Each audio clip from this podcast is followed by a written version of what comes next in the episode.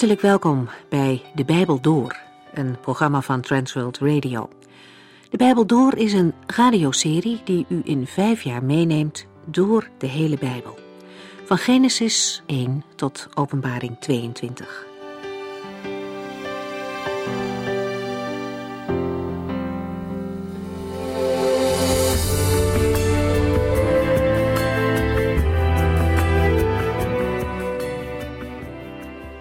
De vorige keer begonnen we met 1 Corinthiërs hoofdstuk 12.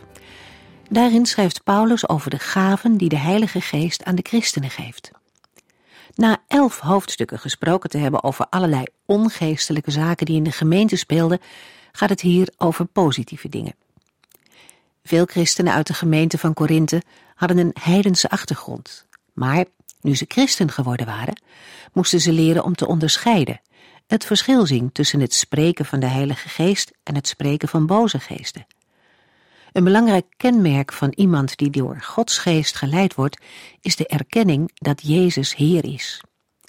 Bij de betekenis van het woord Heer hebben we de afgelopen keer wat uitvoeriger stilgestaan. U kunt dat via de website van Transworld Radio nog eens rustig naluisteren. Paulus gaat daarna dieper in op de verschillende gaven die er in de gemeente zijn. In de verscheidenheid die er aan gaven bestaat, is er één gemeenschappelijk kenmerk.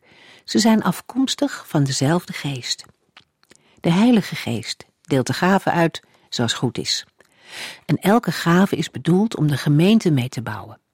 Mensen en gemeenten hechten aan de ene gave soms meer waarde dan aan andere gaven. In Korinthe werden sommige gaven zwaar overschat en andere als minder belangrijk gezien. De tongentaal was bijvoorbeeld voor de Corinthiërs heel belangrijk.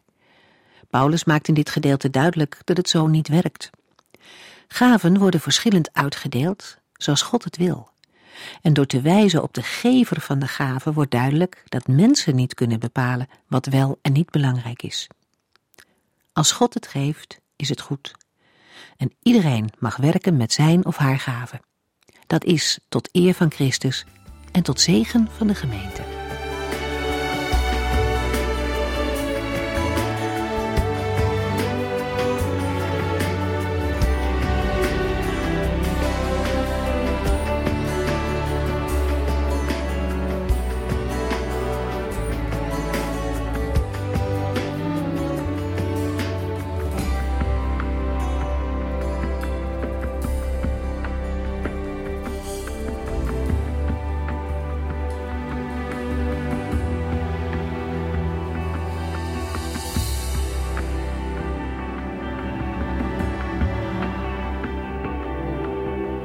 De vorige uitzending sloten we af met de opmerking dat de apostel een negental gaven opsomt die in de christengemeente van Korinthe de meeste aandacht kregen.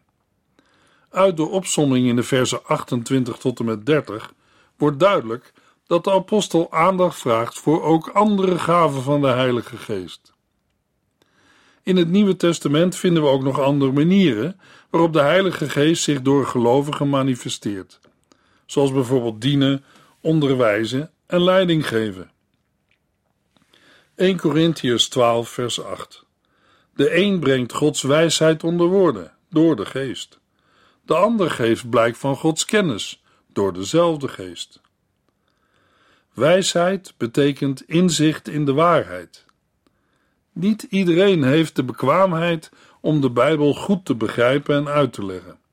Daartoe zijn er onderwijzers en leraars nodig maar vanuit zichzelf zijn ze ook niet in staat om de woorden van God op de juiste wijze uit te leggen. De Heilige Geest moet hen genade bewijzen door hen de gave van onderwijs te schenken. En aan de andere kant moet de Heilige Geest hun verstand, hart en ogen verlichten, anders zijn ze niet in staat om het woord van de Heere uit te leggen en toe te lichten. In 2 Timotheus 3, vers 16 en 17 lezen we: alles in de boeken is door God geïnspireerd en is nuttig om ons de waarheid te leren en ons te wijzen op wat er aan ons leven en geloof nog markeert. Het zet ons leven op orde en helpt ons in te zien wat juist en goed is.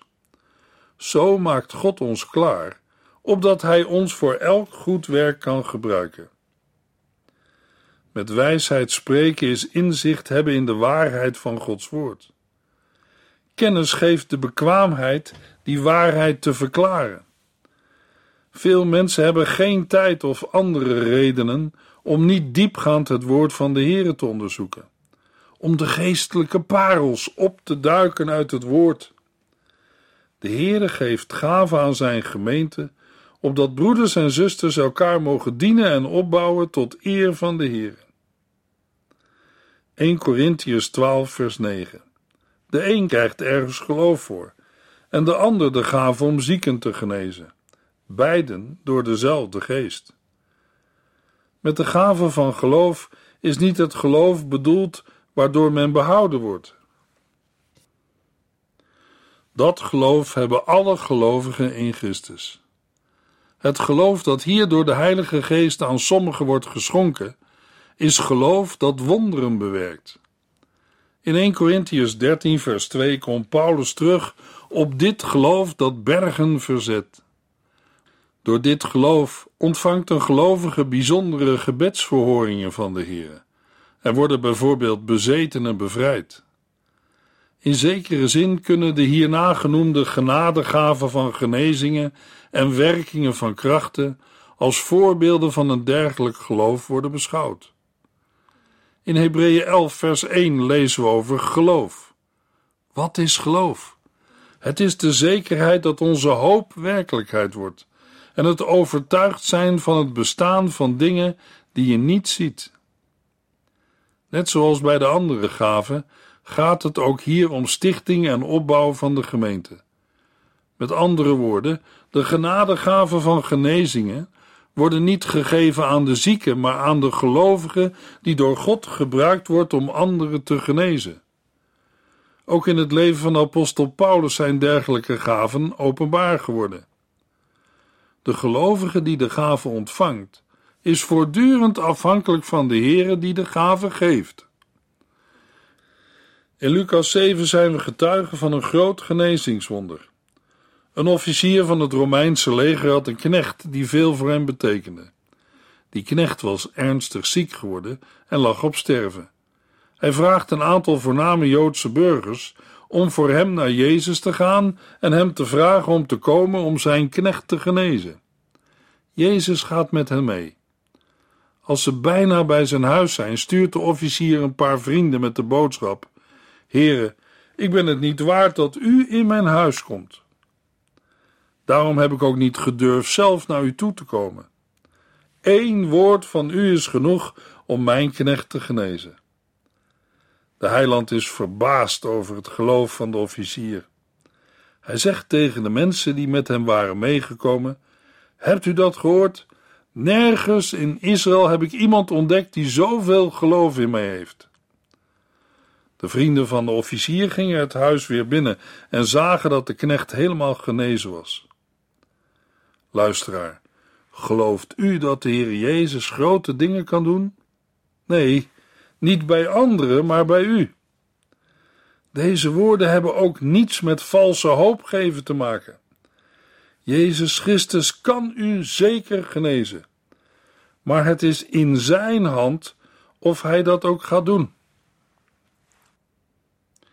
Eén ding is zeker: wij mensen denken bijna altijd te klein van Hem, die gegeven is alle macht in de hemel en op de aarde. Wij mogen met onze ziekte naar Hem toe gaan. Wij mogen elkaar opdragen aan de Heere, de hemelse geneesheer.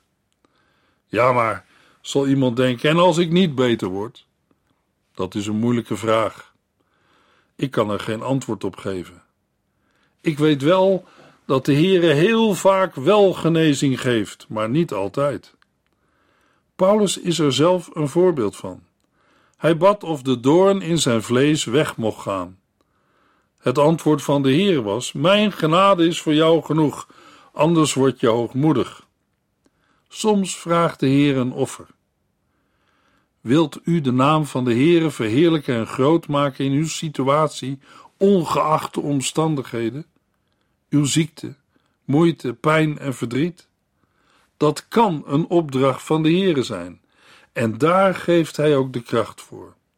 Hij geeft kracht aan vaders en moeders die namens hem mogen zorgen voor kinderen die meer hulp en zorg nodig hebben dan andere kinderen.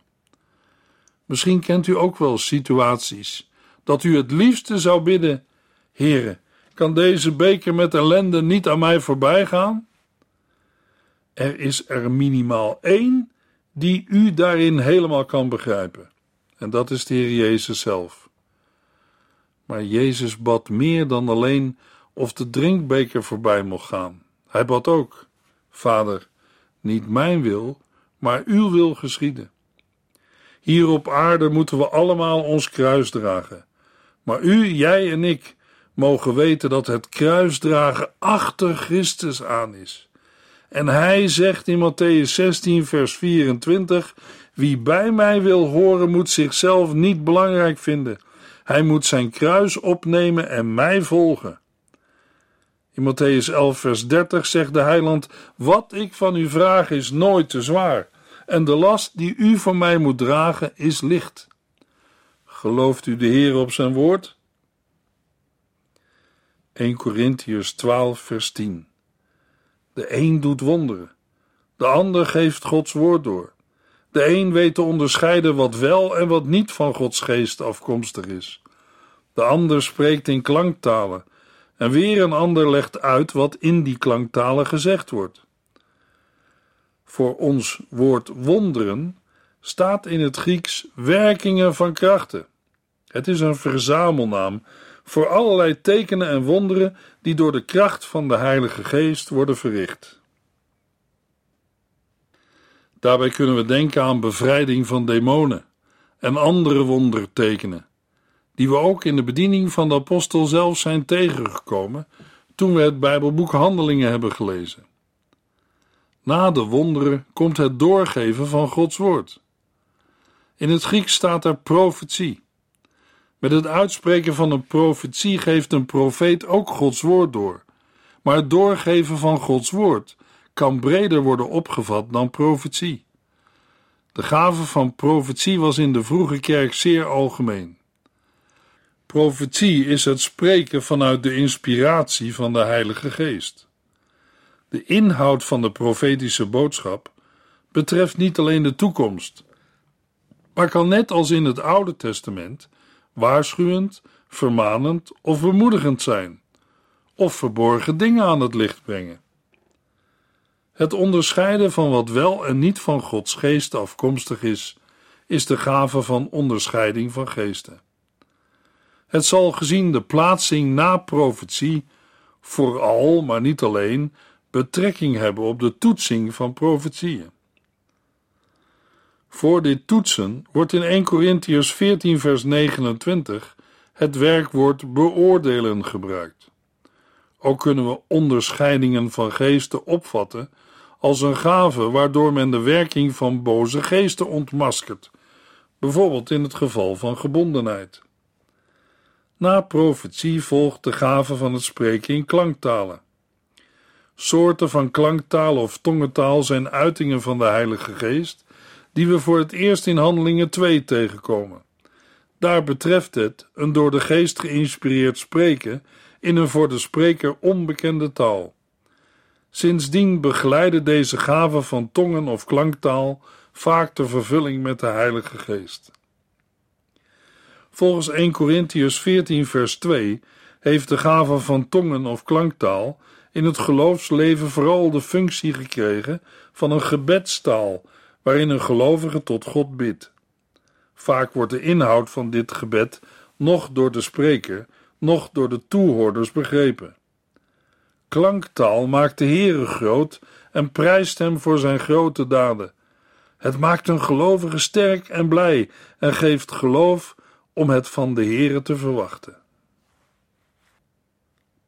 In de gemeente van Korinthe werd deze gave buitensporig hoog gewaardeerd. Sommigen hadden weinig oog voor het feit dat daardoor de andere gemeenteleden niet werden opgebouwd. Maar gaven worden gegeven tot welzijn van allen, ook de klanktaal. Daarvoor is er bij klanktaal in de gemeente een andere gave nodig, namelijk de uitleg of de vertolking van de tongen of klanktaal. Door deze gave wordt de inhoud van het in klanktaal gesprokene aan de gemeente uitgelegd. Let wel, het gaat hierbij niet om een aangeleerde talenkennis, maar om openbaring door de Heilige Geest van hetgeen in klanktaal is gesproken. 1 Corinthians 12, vers 11. Maar het is één en dezelfde Geest die het allemaal bewerkt. Hij geeft ieder wat hij nodig vindt. Hij deelt zijn gaven uit zoals hij wil. De voorgaande bespreking van de verscheidenheid aan genadegaven wordt samengevat in één zin. De zin is geladen met nadruk, één en dezelfde, dit allemaal en aan ieder afzonderlijk. Een vergelijking met vers 6. God bewerkt alles in allen. Maakt duidelijk dat het de Heilige Geest is, door wie de Heer al deze gaven in de gelovigen bewerkt. Het benadrukte één en dezelfde geest laat nog eens zien dat al deze gaven, hoe verschillend ook, uit de ene Heilige Geest voortkomen. Dat betekent dat de gaven bij elkaar horen en elkaar aanvullen, dat ze niet los van elkaar of tegenover elkaar geplaatst mogen worden. Zo moeten ook de gelovigen in het gebruik van de gaven elkaar aanvullen. Aan ieder afzonderlijk zijn bepaalde gaven en bedieningen toevertrouwd. Maar toch behoren ze bij elkaar en zijn ze op elkaar aangewezen. Bovendien is de verdeling van genadegaven tot stand gekomen zoals Hij wil. Wie durft kritiek te hebben op deze verdeling door Gods geest? Wie durft de medegelovige met zijn eigen gaven en bediening te minachten, als de geest naar zijn wil de genadegave heeft uitgedeeld? Wie durft zichzelf te verheffen op grond van de genadegave, als hij of zij die gave niet op basis van eigen verdiensten heeft ontvangen? Bovendien heeft de huidige verdeling van genadegaven niet het laatste woord. Paulus moedigt zijn lezers straks aan in vers 31 en 14 vers 1 om te streven naar die gaven waarmee de christelijke gemeente het beste kan worden gediend. Er is geen reden om niet te verlangen naar meer gaven van de geest. 1 Corinthians 12 vers 12 Ons lichaam bestaat uit vele delen, maar al die delen samen vormen één lichaam. Zo is het ook met Christus. In de versen 12 tot en met 31 beschrijft Paulus de christelijke gemeente als het lichaam van Christus. Een beeld dat we al eerder tegenkwamen. Paulus vergelijkt de gemeente als het lichaam van Christus met het menselijke lichaam. Zoals het lichaam één is en toch uit veel delen bestaat, zo is het ook met het lichaam van Christus. Een lichaam heeft verschillende ledematen en organen met verschillende functies. Ook het lichaam van Christus, de gemeente, is heel divers. Aan de andere kant vormen al die delen samen één lichaam. Dat benadrukt de eenheid. Ze staan niet op zichzelf, maar horen bij elkaar en zijn op elkaar aangewezen. Zo is het ook in de gemeente van Christus. 1 Corinthians 12, vers 13. Want de Geest heeft ons allemaal tot één lichaam samengevoegd het lichaam van Christus. Het doet er niet toe of wij Jood of niet Jood zijn, slaaf of vrijman. Wij zijn alle doordrenkt met die ene geest. De samenbindende factor binnen het lichaam van Christus, de christelijke gemeente, is de Heilige Geest.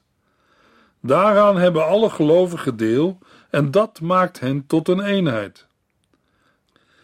De zin, want de geest heeft ons allemaal tot één lichaam samengevoegd, verwijst naar de doop met de Heilige Geest. Paulus gaat ervan uit dat alle gelovigen van Korinthe deze doop met de Heilige Geest hebben ontvangen, in de tijd dat ze tot geloof kwamen en gedoopt zijn in water. Het voorzetsel tot één lichaam samengevoegd of gedoopt geeft hier het doel aan: het vormen van één lichaam. Daarbij vallen alle vroegere onderscheidingen weg. Verschillen in nationaliteit, godsdienstige achtergrond of sociale status hebben binnen het lichaam van Christus hun geldigheid verloren. Dezelfde boodschap komen we tegen in Galaten 3, in verband met de doop in water. In de periode van het Nieuwe Testament liet men de bekering zo snel mogelijk volgen door de doop in water en de handoplegging voor de vervulling met de Heilige Geest. De doop met de Heilige Geest wordt door Paulus in 1 Corinthians 12, vers 13 omschreven als de inlijving in het lichaam van Christus. De Geest heeft ons allemaal tot één lichaam samengevoegd. Dat is een eenmalige gebeurtenis bij de wedergeboorte en niet te verwarren met de vervulling van de Heilige Geest.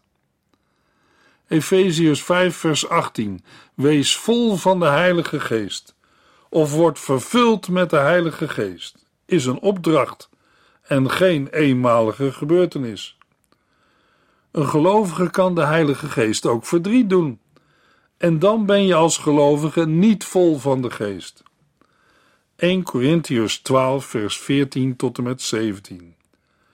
Een lichaam bestaat niet uit één enkel deel, maar uit vele delen. Als de voet zou zeggen dat hij niet bij het lichaam hoort, omdat hij geen hand is, hoort hij daarom niet bij het lichaam? En als het oor zou zeggen dat het niet bij het lichaam hoort, omdat het geen oog is, hoort het daarom niet bij het lichaam? Als het lichaam alleen maar oog is, hoe zou het dan moeten horen? En als het lichaam één en al gehoor was, hoe zou het dan moeten ruiken?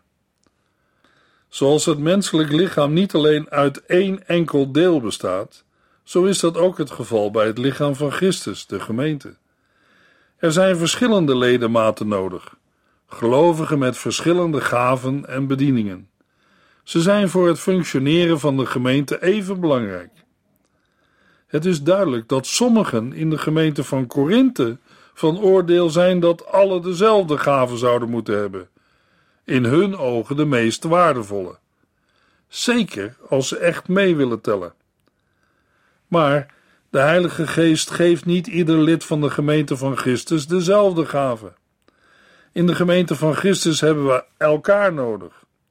Het is net zoals met het menselijk lichaam. Er zijn verschillende lichaamsdelen: handen, voeten, oren, ogen en nog veel meer.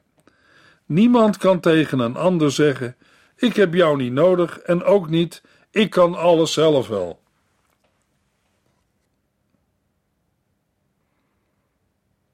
(1 Corinthians 12 vers 18) Nee, God heeft alle verschillende delen op hun eigen plaats in het lichaam gezet, zoals hij dat goed vond. Deze verscheidenheid van gelovigen elk met zijn eigen speciale gaven en bediening, is juist Gods bedoeling. Als de Heere zelf de gemeente naar zijn plan heeft opgebouwd, als een lichaam met verschillende ledematen en organen, hoe kunnen gelovigen elkaar dan afwijzen en elkaars gaven en bediening onderwaarderen? 1 Corinthians 12, vers 19 tot en met 25. Als er maar één deel was, zou u niet van een lichaam kunnen spreken maar er zijn vele delen en samen vormen ze één lichaam. Het oog kan niet tegen de hand zeggen: Ik heb je niet nodig. En het hoofd kan ook niet tegen de voeten zeggen: Ik heb jullie niet nodig. De delen die het meest kwetsbaar schijnen, lijken juist het meest nodig te zijn. Aan de delen van ons lichaam die we niet graag laten zien, geven we bijzondere zorg. En de minder nette delen van ons lichaam worden netjes bedekt. De nette lichaamsdelen hebben dat niet zo nodig. God heeft het lichaam tot een eenheid samengevoegd en de op het eerste gezicht niet zo belangrijke delen een belangrijke plaats gegeven. Anders zou er oneenigheid in het lichaam zijn. Paulus werkt in deze verse de thema's eenheid en verscheidenheid nog verder uit. Hij refereert aan voorgaande versen. Er zijn vele gemeenteleden, elk met eigen gave en bediening. Maar deze verscheidenheid is geen doel in zichzelf. Er is maar één lichaam. De verschillende leden moeten binnen het ene lichaam van Christus samenwerken. Ze zijn op elkaar aangewezen en van elkaar afhankelijk. Binnen de gemeente betekent dit dat er extra aandacht, respect en liefde moet worden gegeven aan diegenen die op het eerste gezicht minder belangrijk zijn. Maar de Corinthiërs blijken weinig begrepen te hebben van de bedoeling van de Heer. Zij minachten en onteren juist degenen die in hun ogen minderwaardig zijn, die niet beschikken over de door hen meest gewaardeerde geestelijke gaven, of die een lagere sociale status hebben, een arme of een slaaf. De bedoeling van God met de samenstelling van het lichaam is in de eerste plaats dat er geen scheuring, verdeeldheid en oneenigheid in het lichaam is. Degenen die meer zorg en aandacht dan anderen nodig hebben, moeten die ook ontvangen, zonder dat ze erom worden geminacht. 1 Corinthians 12, vers 26 tot en met 31. Elk deel moet voor de andere delen van het lichaam zorgen. Als één deel lijdt, lijden de andere mee. En als één deel geëerd wordt, zijn de andere delen daar even blij mee als hij. U bent het lichaam van Christus, en ieder van u is een deel van het lichaam. God heeft sommigen in de gemeente een taak gegeven. Ten eerste zijn er apostelen, ten tweede degene die Gods woord doorgeven, en ten derde leraren. Dan zijn er die wonderen doen en anderen die de gave hebben zieken te genezen. Er zijn helpers en leiders en sommigen die in klanktalen spreken. Maar wij zijn toch niet allemaal apostelen en geven toch niet allemaal Gods woord door? Ze zijn toch ook niet allemaal leraren? Doet iedereen soms wonderen? Of hebben allen de gave om zieken te genezen? Spreken ze soms allemaal in klanktalen of kan ieder die talen uitleggen? U moet streven naar de belangrijkste gave.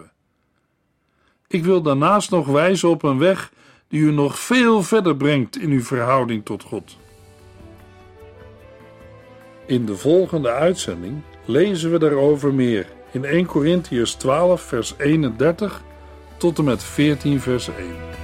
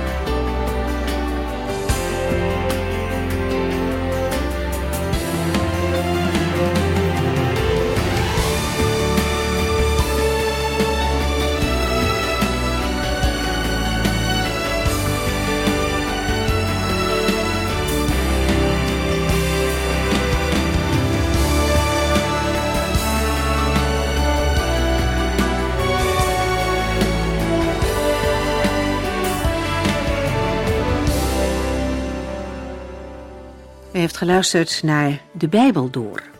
In het Nederlands vertaald en bewerkt door Transworld Radio. Een programma waarin we in vijf jaar tijd de hele Bijbel doorgaan. Als u wilt reageren op deze uitzending of u heeft vragen, dan kunt u contact met ons opnemen. Tijdens kantooruren kunt u bellen op 0342 47 8432. 0342 47 8432. 32. Ook kunt u een e-mail sturen naar de Bijbel door transworldradio.nl en natuurlijk kunt u ook via de post ons bereiken. TWR, postbus 371, postcode 3770, AJ in Barneveld. Dit programma werd gepresenteerd door Cor Weda en Ike André. Techniek was in handen van Odin van Woerdekom. En wij allemaal bedanken u voor het luisteren. Graag tot de volgende keer.